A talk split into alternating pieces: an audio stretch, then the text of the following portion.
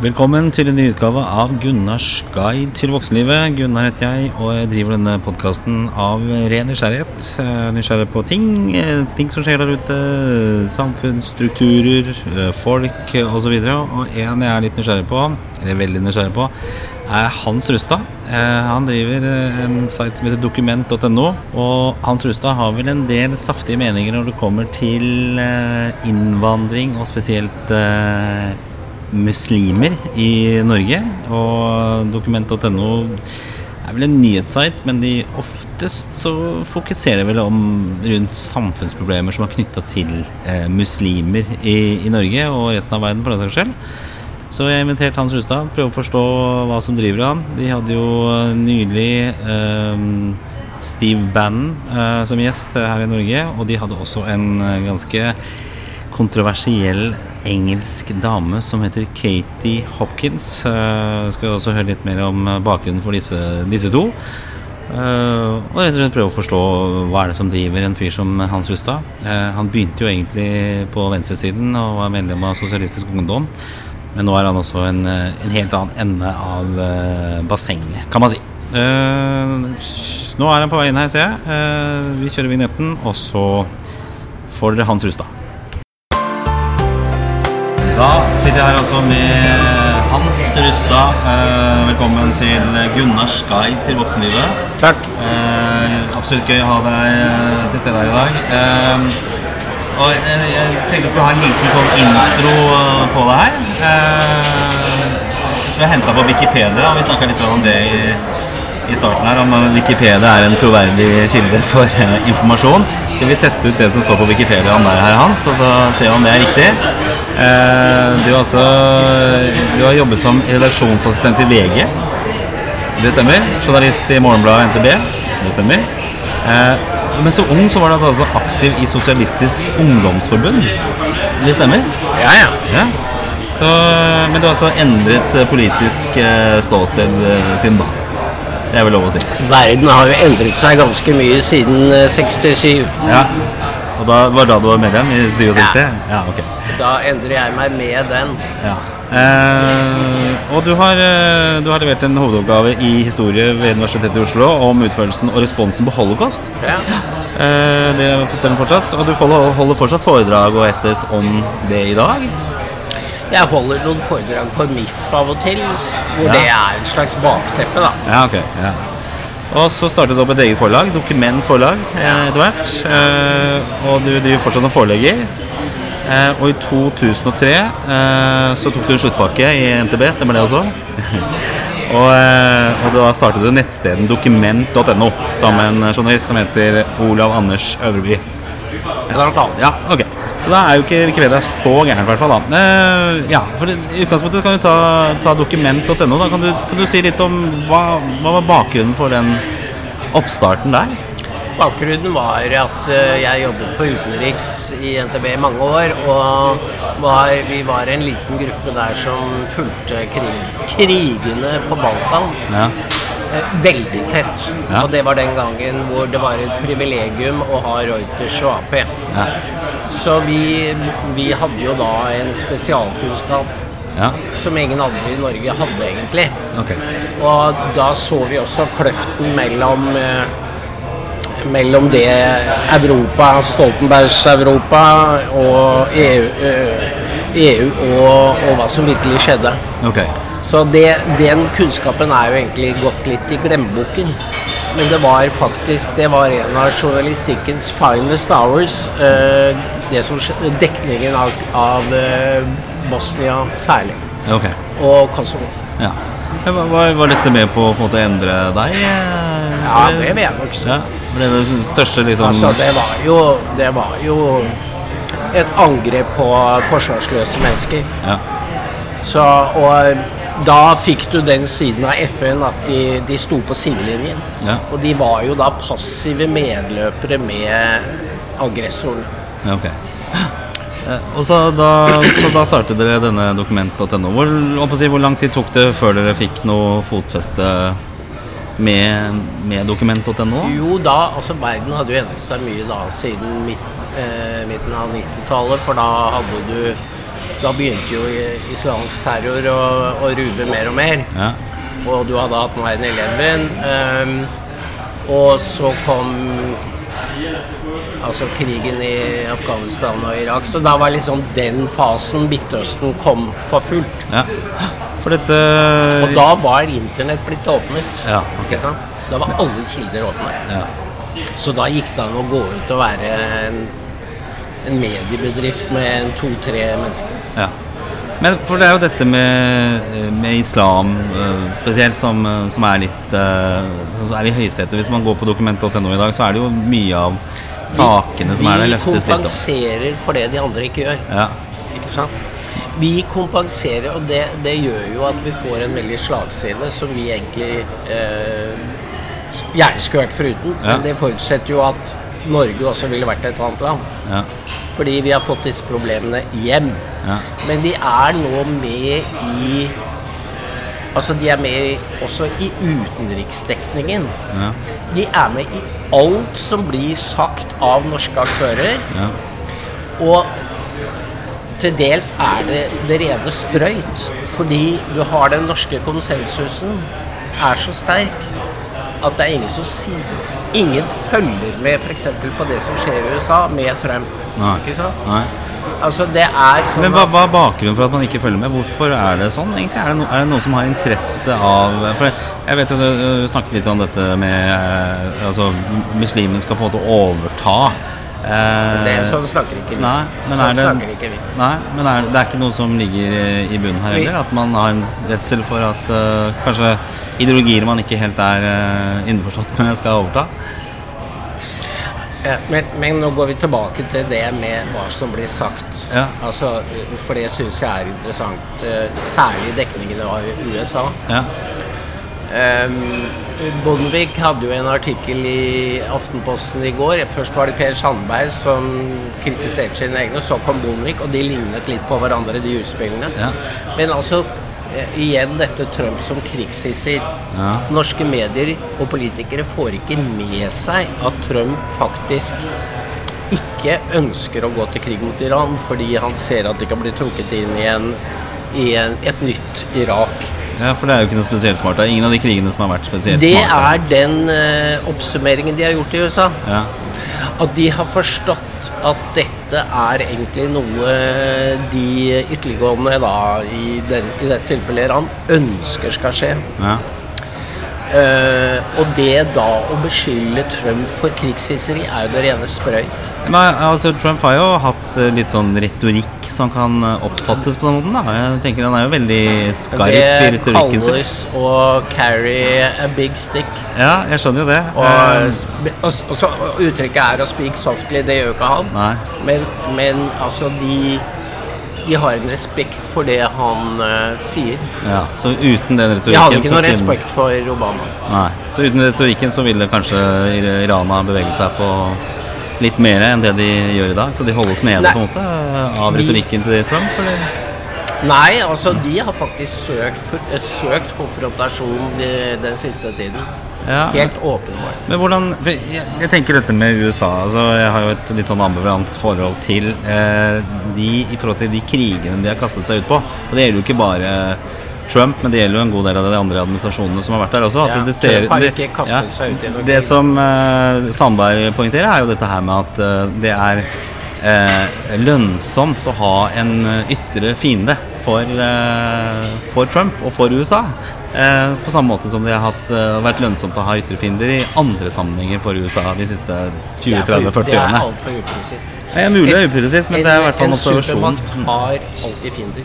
Ja, Under Obama så ble de fiendene mye sterkere. ja, Fordi Obama eh, ikke satte seg i respekt. Mm. Altså Han trakk en rød linje, og når den ble krysset, så sa han å nei, jeg tror jeg dropper det. ja. Men er det sånn at resten av veien er barn, og så må USA være litt sånn voksne i alle mulige sammenhenger? Altså eh, Men hva, det, det, dette er jo blir veldig nesten infantilt, altså. På de ti årene som eh, De siste ti årene så er Kina blitt en rival Ja.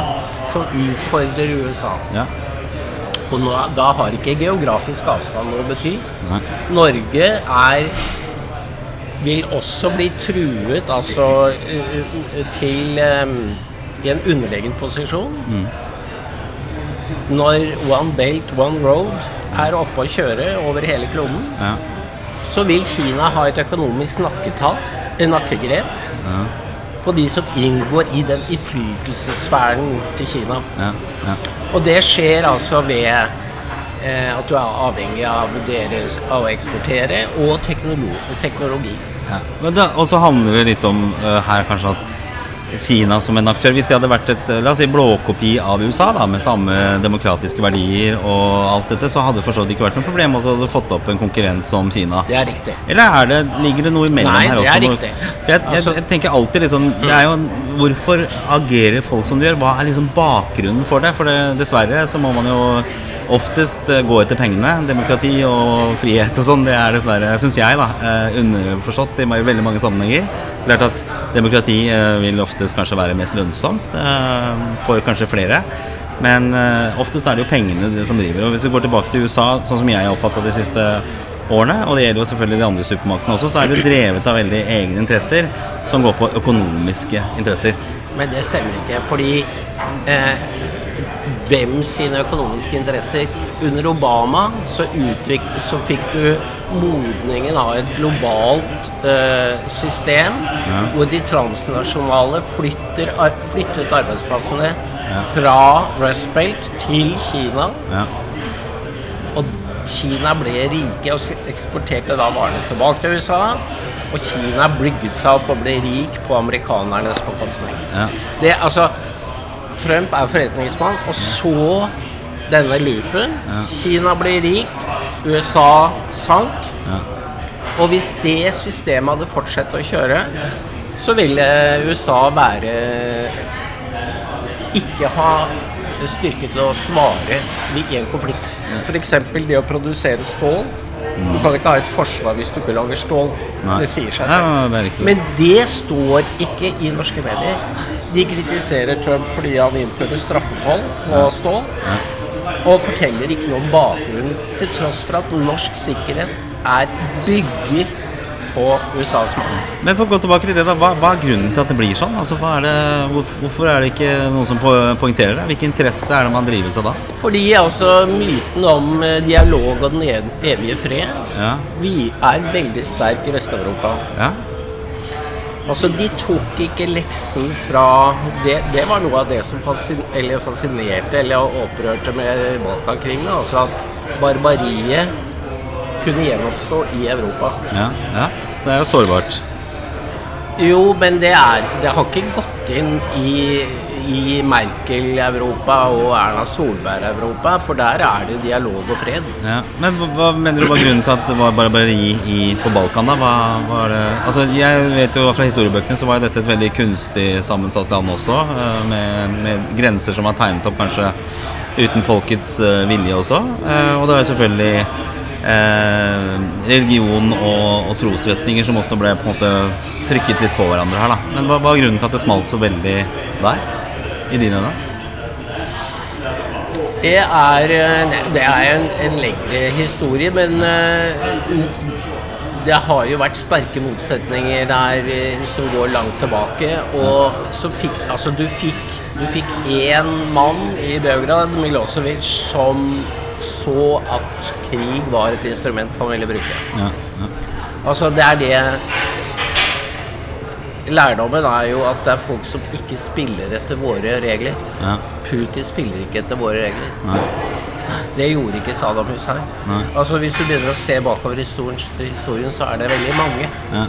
Men hva er våre regler? Altså, er det demokrati, menneskeverd, den type ting? Eller hva slags annen type Våre, regler er det? våre regler er jo et samfunn som bygger på respekt for reglene og tillit. Ja. Så vi, men du må jo ha en sånn fallback solution hvis du ser at det er noen som ikke gjør det. Ja. Det har ikke Vest-Europa har ikke det. Men jeg tenker at det er jo så ungt ennå allikevel. For vi, vi skal jo ikke så veldig langt tilbake før eh, Tyskland, som vi ser på som en nær alliert og samarbeidspartner, og definitivt et, eh, et eh, demokrati eh, de, de fulgte jo ikke disse reglene, de heller, for 70-80 år siden. Og det er, det er jo ikke så lenge siden heller. Det er ikke det. Og det burde egentlig opptas mye mer. Ja. Hva er det som gjør at mennesker kan gå fra Altså foreta sånne sprang? Ja.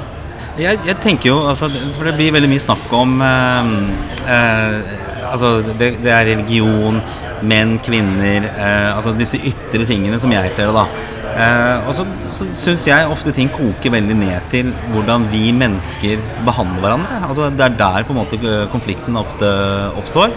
Eh, og så tenker jeg også at man ofte kan være litt, eh, litt historieløse, da. For vi, vi er jo i en veldig tidlig fase av eh, demokrati eh, sett i verdensmålestokk. Hvis du går tilbake og ser på historien, så, så har jo ikke demokratiet vært så veldig lenge, heller ikke i Europa. Eh, så vi er jo i en tidlig fase. Jeg hadde en, eh, en eh, podkast her om islam for en del uker tilbake, og da, da var det han som var gjest, han sa det at de landene hvor det kommer muslimsk innvandring, er veldig unge litt ungdommer som på en måte ikke har tillært seg de demokratiske virkemidlene, eller det demokratiske synet som vi har her i Vesten. Fordi de rett og slett er unge. Er det ikke sånn at vi, vi må også kanskje ha litt tålmodighet med at liksom, demokratiske prosesser også kommer til den type land da, og, og mennesker?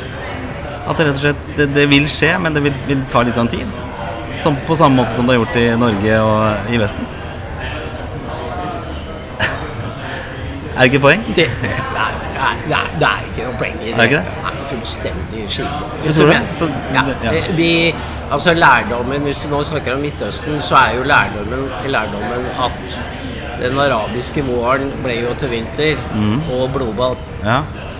Og nå har du I Egypt så har du en, et regime, militærregime som holder ting på plass. ja. Men det Det- har vi jo hatt andre steder også, da. Eh, Over lang tid. Og du, du snakker om holocaust. Det er ikke så veldig mange år siden det var en jødelov i Norge, eller? Altså, det er ikke, det er ikke, det er ikke 1000 år siden. Det er eh, under 100 år siden. Jo, men det var en, eh, det var en liten chip. Det var en liten spiss på en demokratisk eh, en, eh, grunnlov. Ja. Altså det var en utvekst, kan du si. Ja. En anomali som ble da borte. Ja. Så du kan, må ikke sammenligne epler og pærer. I Midtøsten er det, er det snakk om hele samfunnsformasjonen. Ja. Eh, som jo har gått i feil retning, fordi de er ikke i stand til å oppfylle eh, befolkningsoverskuddets eh, ba- basale behov. Ja, men det er, det er vel Er det dårlige ledere, eller er det bare dårlige folk? Eller altså Jeg, jeg klarer ikke Altså, jeg, jeg tenker at eh, Ofte er det jo et leder, eh, lederutfordring. I, kanskje i land også hvor det er mangel på gode ledere. At det er ofte sånn, og da tyr man til disse Men de har Deres handlingsrom er et helt annet enn det lederne i Vesten har hatt. Ja, Men lederne i Vesten får også et mer begrenset handlingsrom eh, nå enn de hadde før. ja, Fordi de ikke gjør noe med de såkalte utfordringene. ja. Men, men eh, det, hvis du ser på en del av disse landene hvor det er en del utfordringer og, og dårlige holdninger og miljøer oppstår, så har jo dette vært ganske nylig eh, eh, under kolonimakt også. England, eh, Frankrike Nylig? Ja, det er jo ikke så lenge siden. Jo. Altså, Jo. ja, men altså, hvor lang tid tok det før liksom, demokratiet tok India er, eh, er jo et ganske vitalt demokrati. Ja, ja, ja. ja. Det er verdens største, faktisk. Ja, men uh, det er vel ikke fungerende var- demokrati, for å si det sånn, da. Uh, jeg, altså, jeg har en fetter som har bodd der i ti år, og det er klart at det er ikke allting som er på plass der heller. Altså, det er jo en ung nasjon med et øh, ungt øh, demokrati også. Så det, Sammenlignet med nabostaten så er det veldig bra. jo, det kan godt hende, men allikevel så hvis, jeg, hadde, jeg hadde ikke hatt lyst til å flytte til øh, India, for å si, for å si sånn, og oppleve de samme Jeg har jo kasteregimet, f.eks., som er utrolig frustrerende for folk, og umulig å komme seg ut av for veldig mange. Eh, som gjør at eh, det er jo definitivt ikke et samfunn man skal se til. Men jeg tenker de er unge, de har eh, å si nyvinnen frihet eh, etter eh, at de har vært under kolonimakten. Så jeg tenker at man må jo kanskje gi de litt slack også? India styrte britene med bare noen få tusen mann, så den, det er et veldig dårlig eksempel. Altså. Ja, det, er, det kan, kan, det være Men eh, derimot eh, moguler eh, Altså Det som gikk før, da, det var jo ikke noe Det var jo meget blodig. Ja, ja. Det vet vi nesten ingenting om i Europa. Nei. Men er det noe man kan se på historien som, eh, som er sammenlignbart med den situasjonen vi har i dag? Altså, for jeg, jeg vet jo at det er jo en eh, Jeg så en nylig artikkel du hadde hatt i Resett her med disse, dette med forfølgelse av kristne. Eh, og det har vi også hatt tidligere tider hvor, hvor det har skjedd i, i, verden. Altså, ikke nødvendigvis fra muslimer, men fra andre, andre aktører også. Det må å forfølge kristne. Men hvordan ser du, ser du, dette som en ny situasjon, eller er det noe likhetstrekk i historien som vi kan se altså, på? En, en, så global verden som vi lever i, det er jo noe helt nytt. Det har aldri eksistert før. Nei, men, og den er, jo, den er jo forholdsvis nyglobal også. Eh, jeg begynte å bruke eh, e-post i 1998, og jeg var rimelig tidlig ute med ting. Så det er også 20, litt over 20 år siden. Så det er lite i forhold til det store målestokken i verden, da, tenker jeg. Men hvis du ser så på ting har gått veldig, veldig veldig fort? Ja, ting går jo veldig fort. Jeg tenker at Det, det med at du har en åpnere verden også, vil jo kunne være med på å kanskje gjøre demokratiseringsprosessen, demokratiseringsprosessen at den går noe fortere enn det den har kanskje gjort i tidligere år. Da hvor man sitte og brenne Men vi ser ikke det. altså Kina har, Kina har gått motsatt vei. Ja, øh, ja, på en måte så har de jo det. De er jo et veldig totalitært øh, samfunn. Uh, og de, de, jeg tenker jo at Kina drives vel av at få mennesker ønsker å beholde makta. Uh, ikke nødvendigvis at det skal være til det beste for folket, men det er jo til det beste for en, en maktelite, tenker jeg da. Hva tenker du om det? Er det er for at Kina skal bli verdensleder. Ja. Om innen 100 år. De har en plan ja. om å være hegemonen i verden innen 100 år. Ja. Jeg vet at de har jo gjennomført en del tiltak, sånn som uh, helelektriske byer og byer og sånn. Uh, fordi de har muligheten til å bare si at ja, men det blir sånn. Det, det, det bestemmer vi. Så uh, det er jo noen for, kanskje noen fordeler i gåseøynene med diktaturer kontra demokratier. Um, ok, Hvis vi går tilbake til Norge her, da. Hvordan, hvordan vurderer du vårt norske samfunn i dag? da? Altså de, hva er de største utfordringene vi, vi ser på, sånn som, sånn som du ser det? det er, da er det jo, kan du jo bare begynne på toppen og gå nedover. Altså, det er jo en eh, På mange måter eh, de, en dekonstruksjon av eh, Altså en demokratisk krise vil jeg kanskje påpeke som det største problemet. Ja, okay. Altså at politikerne og eliten hører ikke på hva folk mener. Nei. Hvorfor gjør de ikke det? Hva, hva er deres, hva, hva er litt, hvorfor er de tjent med det? Nei, de er jo ikke det. Nei. Eller altså Ikke i det lange løpet, i hvert fall. Nasjonen er i hvert fall ikke tjent med det. Nei. Ja, for Vi har jo mer eh, skepsis til politikere kanskje enn noen gang. Eller har det alltid vært en viss skepsis til, eh, til politikerne i, i, samfunnet vårt? Eh, ja, altså Det er jo forskjell på skepsis og forakt. Men ja. det du har fått inn nå, er jo at folk At, uh, at man begynner å operere med at ha, såkalt hatefulle meninger. Ja er de meningene man som eliten ikke liker. Ja, ja. Det er jo ikke bra. Ja, Såkalt si upolitisk korrekte meninger. Men hva Hvordan ser det ut, da? Altså, er, det, er det noe framtid for å løfte meninger som kanskje ikke er såkalt politisk korrekte? Altså, Har vi kommet altså, lenger der, eller er det, det er skikkelig krise? Eh, det er, når dette begynner å få lovform ja så, så er vi ille ute. Ja. Altså hvor du, du, du, setter politi og rettsvesen på folk med avvikende meninger, da. Ja. Eller dissentere. Men hvor langt kan man gå i ytringsfriheten altså, for å ha meninger? For det, det er jo jeg, det jeg synes, det, det er jo en generell eh, betraktning, da. Eh, vi snakket om dette her med mer åpent eh, samfunn og globalisering og internett som kommer på fullt. Eh, og det jeg syns, er at det er så mye idioter der ute som ikke burde eh, få lov å si meningen sin. For at, og det her gjelder jo ikke bare kommentarfelt eh, hos dere eller hos eh, Dagbladet. Det kan være et kommentarfelt for eh, hockey. Så går det to-tre rader nedover, så blir det plutselig hatefulle ytringer og, og, personangrep. Jeg tenker at Folk må skjerpe seg litt i forhold til hva man kommuniserer også. For Hvis vi skal ha en bedre verden, så må liksom retorikken skjerpe seg. For det er, det er, altså, det er helt utrolig. Jeg ser en del kommentarfelt, og det er så mye høl i huet fra folk der ute. Eh, så jeg tenker ok, man må kanskje ha en viss eh, terskel, da, hva du får lov til faktisk å lire av deg. Men da eh, Hvordan skal den håndheves? Nei, det, det er jo et godt spørsmål, men noe Det er må ganske gjøres, i hvert vesentlig spørsmål. Ja, for det er mye Det er opp til det er eierne av det nettstedet kan håndheve modereringen. ja. Men det å sende Det å stenge kommentarfeltet og sende politi på folk er jo noe helt annet. Ja, jeg, jeg, jeg skjønner hva du mener. Jeg synes, eh, det er veldig vanskelig å kunne moderere det, men jeg tenker at noe må det det? gjøre Ja, jeg syns det. Jeg synes det Det er ikke vanskelig. Hvis du mener at det er ting er helt utafor, så er det vel ikke vanskelig, for da er det bare å slette det. jo da, det er det. Men jeg syns det Eventuelt blokkere Ja. det.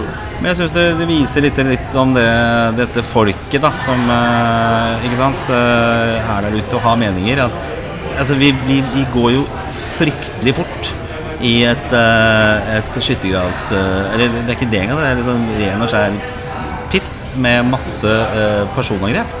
Og det, det, det syns ikke jeg er noe det, det er ikke noe godt for samfunnet, ikke noe godt for demokratiet. Ikke noe godt for de holdningene som vi skal gi til neste generasjon som kommer av. Og det syns jeg er, er for så vidt et stort samfunnsproblem. Da.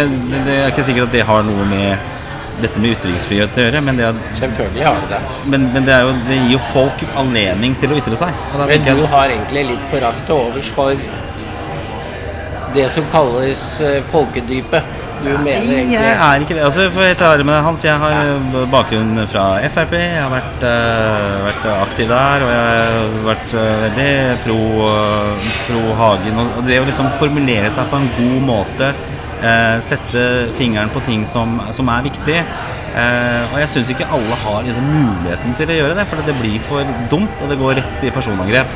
Og jeg tenker at dette med ytring på nett tror jeg kan bli et stort, stort problem. For det du skaper kan bli, det er jo det. Ja. Men det er ikke noe Det er visse ting du ikke vil få eliminert. Ja. Og det er at nettet er en kanal som alle kan bruke. Ja. Den, den muligheten kan du ikke Hvis du tror du skal gjøre noe med det, så må du forandre menneskene. Men hva og det er veldig du? veldig Vi, vanskelig. var innom Trump i stad, og jeg følger han på Twitter. Ja. Og jeg syns jo uh, mye av det bl.a. med etablert presse og, og dette her har vært uh, gode poenger han kom med.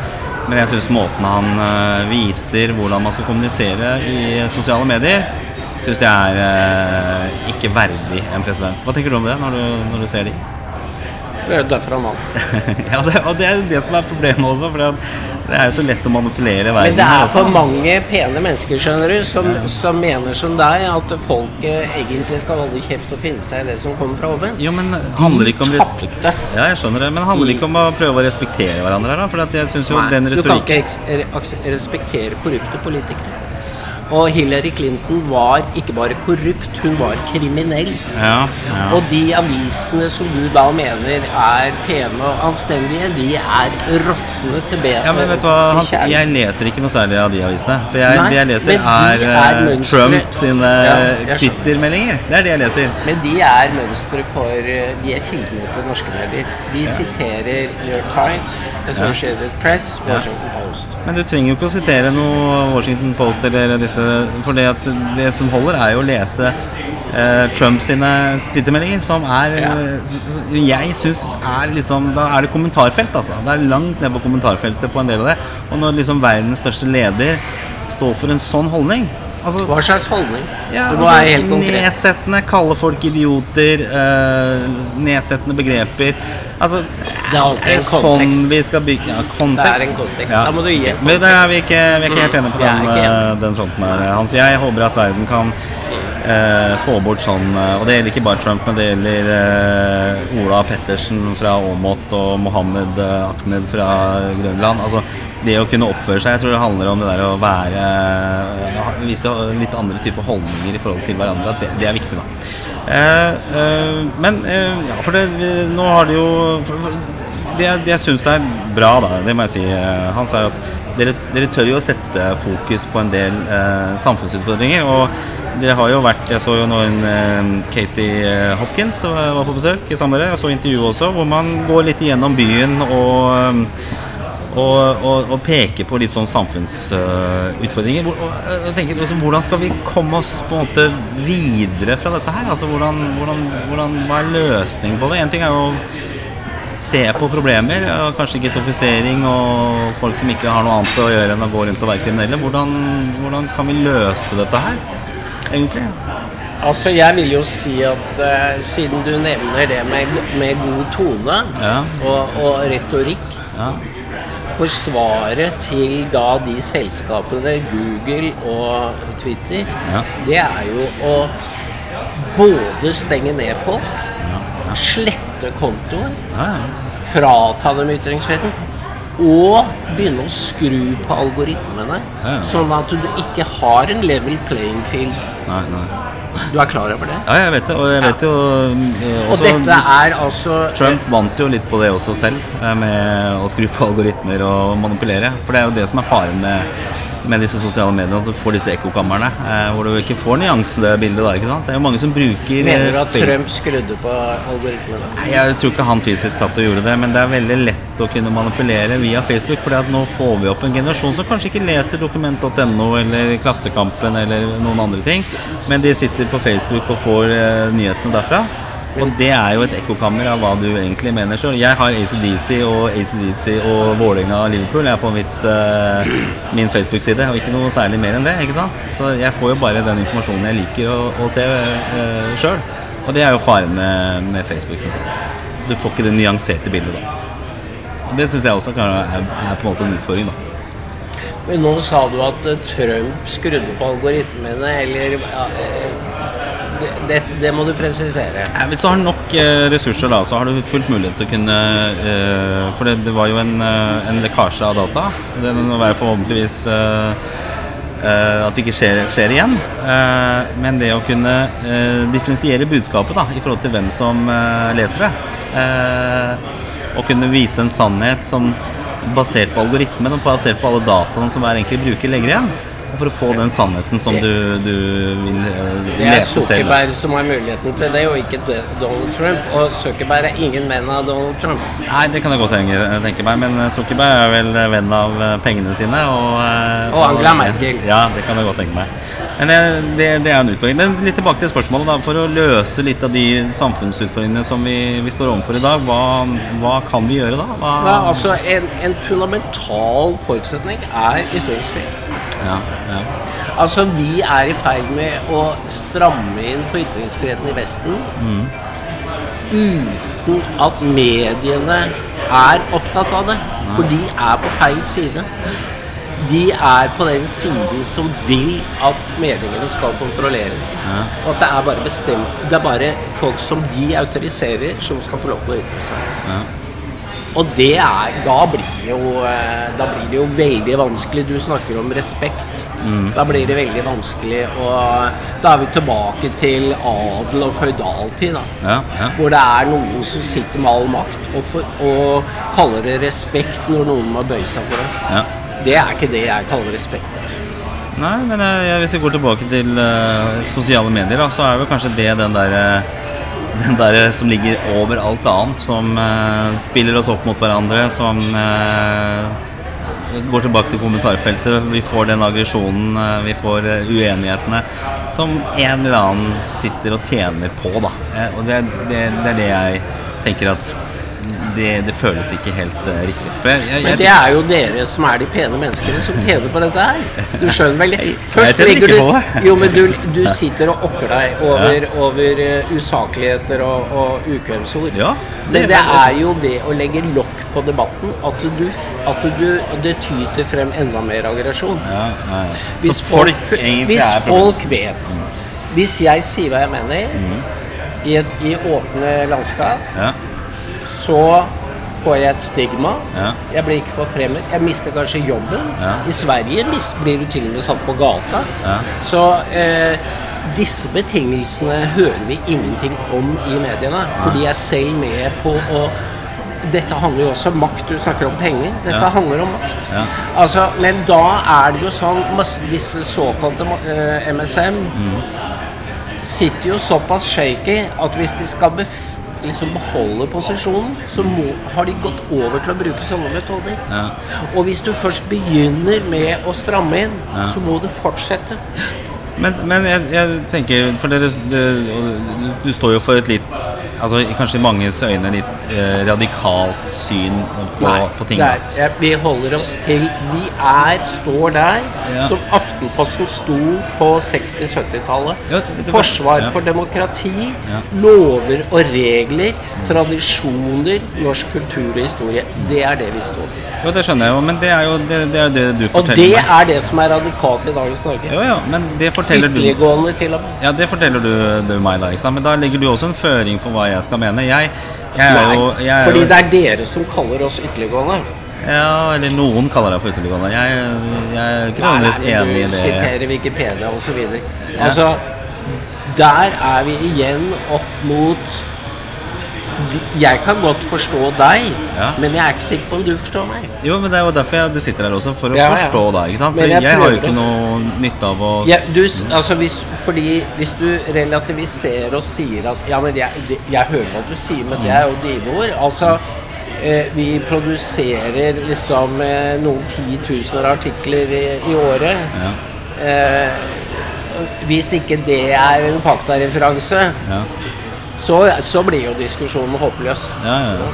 Det ofte blir jo ting håpløst når man, eh, når man eh, kanskje eh, ikke alltid kanskje er helt åpen for eh, hele bildet. For det, det er jo det jeg prøver å få til. Altså, jeg vet jo at eh, jeg har hatt skarpere meninger tidligere.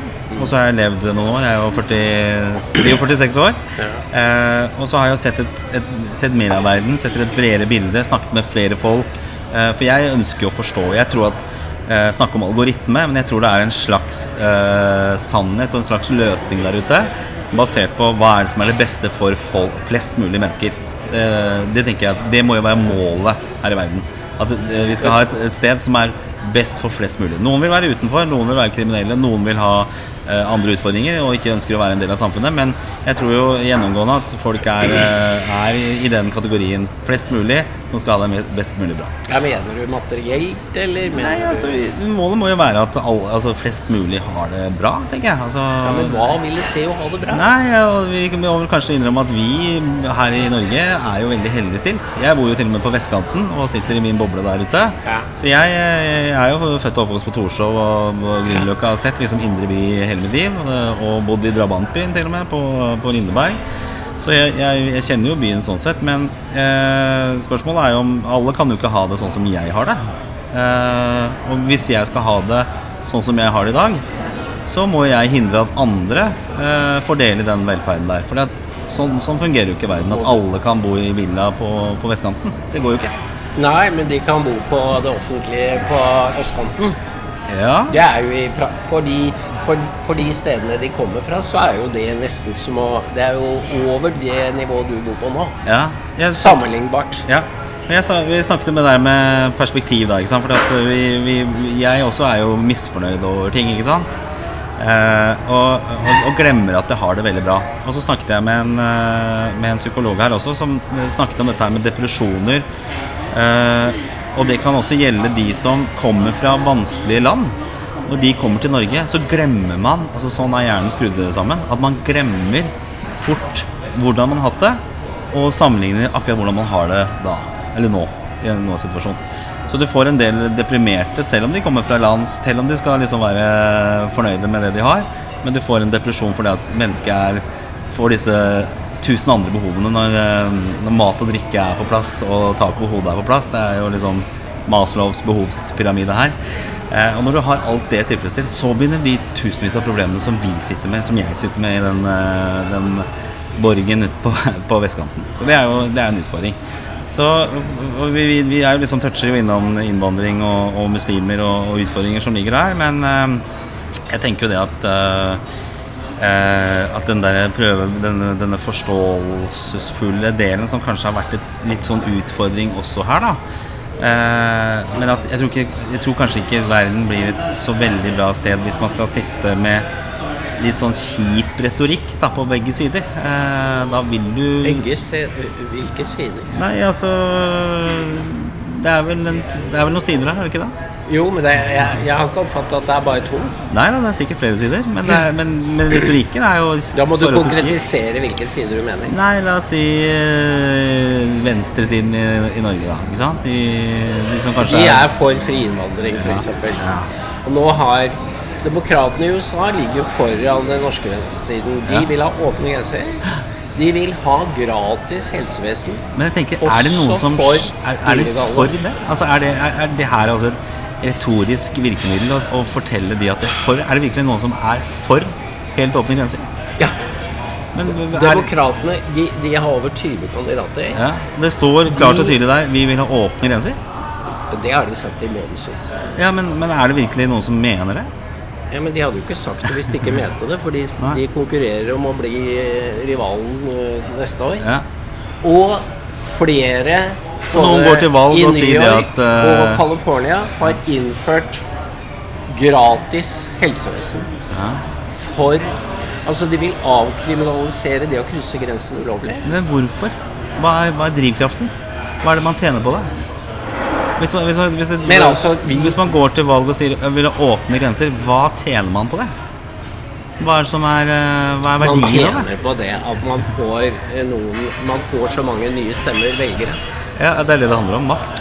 rett og slett. Ok, Så man tjener makt på det. Fordi at noen mener, eller et ganske stort eh, antall mener at det er lurt å ha helt åpne grenser. Ja, altså De Jeg som kommer, det- stemmer ja. jo på demokratene. Ja. De stemmer jo ikke på republikanerne. Ja. Det samme gjør de jo i Norge. De stemmer jo på venstresiden. Ja. I alt overveiende grad gjør de det. For meg er det helt eh, ubegripelig. Åpne grenser, det, det man skjønne at det funker ikke. Men så funker det vel heller ikke med helt lukkede grenser. Det går jo heller ikke. Man kan ikke ha det heller. Altså, men jeg, ser kanskje mer eh, at man har tjent på det. Jeg er jo tjent på det, f.eks. I min uh, Ja, ja, du burde gå inn for det. I Så min, du eh, kunne beholde livet ditt på vestkanten. Ja, men det er på vestkanten. Ja, Ja. det er jo faktisk litt sånn. Så for meg så hadde jeg jo definitivt tjent på å være Ja. Lukkede grensesiden, egentlig. Men da har jeg skal du være anstendig, og da, hvis du skal bli venn med Petter Stordalen, så må du gå inn på åpne grenser. Ja. Men jeg, jeg har ikke så veldig behov for å være venn med Petter Stordalen, men eh, jeg forstår ikke helt at det, er- det, er- det, her er liksom Det er et eller er annet som ikke stemmer. er Ja, men det er et eller annet som ikke stemmer. Jeg, jeg tror jeg, og kanskje til og med du, blir spilt opp av noen her, altså. Som vil at vi skal krangle. Som vil at vi skal være uenige. Som vil at vi mennesker skal uh, være uenige, og tjene på det. Ja, men dette er fakta. Ja, jeg, jeg Dette er fakta. Du må begynne å følge med på debatten. Ja, helt sikkert. Helt sikkert. Jeg, Fordi de hadde håndsopprekning på siste eh, debatt. Ja. Hvem var for åpne grenser? Hvem var for gratis helsehjelp? Og de rekker opp hånda, alle sammen. Og Men- det er da holder jo Da varer jo eh, pengene Og 70% skatt er det jo også noen som går inn for. Ja. Så det vil jo si at eh, pengene tar slutt etter noen få år, da. Ja, men det, da er det dumskap, eller eh, det må være noe som ligger bak. Jeg, eh, jeg, jeg er ikke noen konspirasjonsteoretiker i utgangspunktet, men jeg føler at jeg bare er et lite brikke i et, eller annet større spill som noen tjener veldig på. Og De tjener, tjener på at jeg sitter og kommenterer i kommentarfeltet. Tjener på at jeg eh, har de og de eh, holdningene høres, verdiene. dette er et ord jeg hater å bruke, men det høres litt konspirativt ut. Ja, det, ja, men det kan godt hende det. Men man, eh, man må jo stille seg noen eh, spørsmål.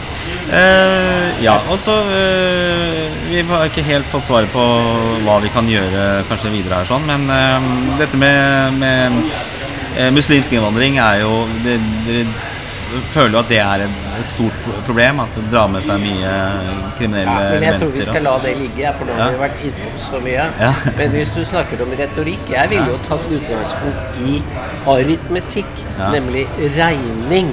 Ja, ja, ja, For det, det er uh, ubestridelig. ja. Tall.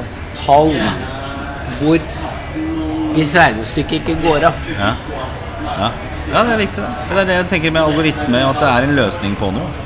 Altså, du, du kan si hva du vil, men det må jo være en eh, fakta, det må være en løsning på, på utfordringene. Og da er spørsmålet Altså, hva er løsningen? Er det Nasjonalbudsjett er jo Altså nasjonal formue, Ja. BNP, antall mennesker som kommer inn Alt dette lar seg kvantifisere. Ja, ja, Sant? Og hvis du kan da påvise går dette opp, ja. eller blir underskuddet stadig større. Ikke sant? For det har med sysselsettingsgrad og sånne ting. Ja.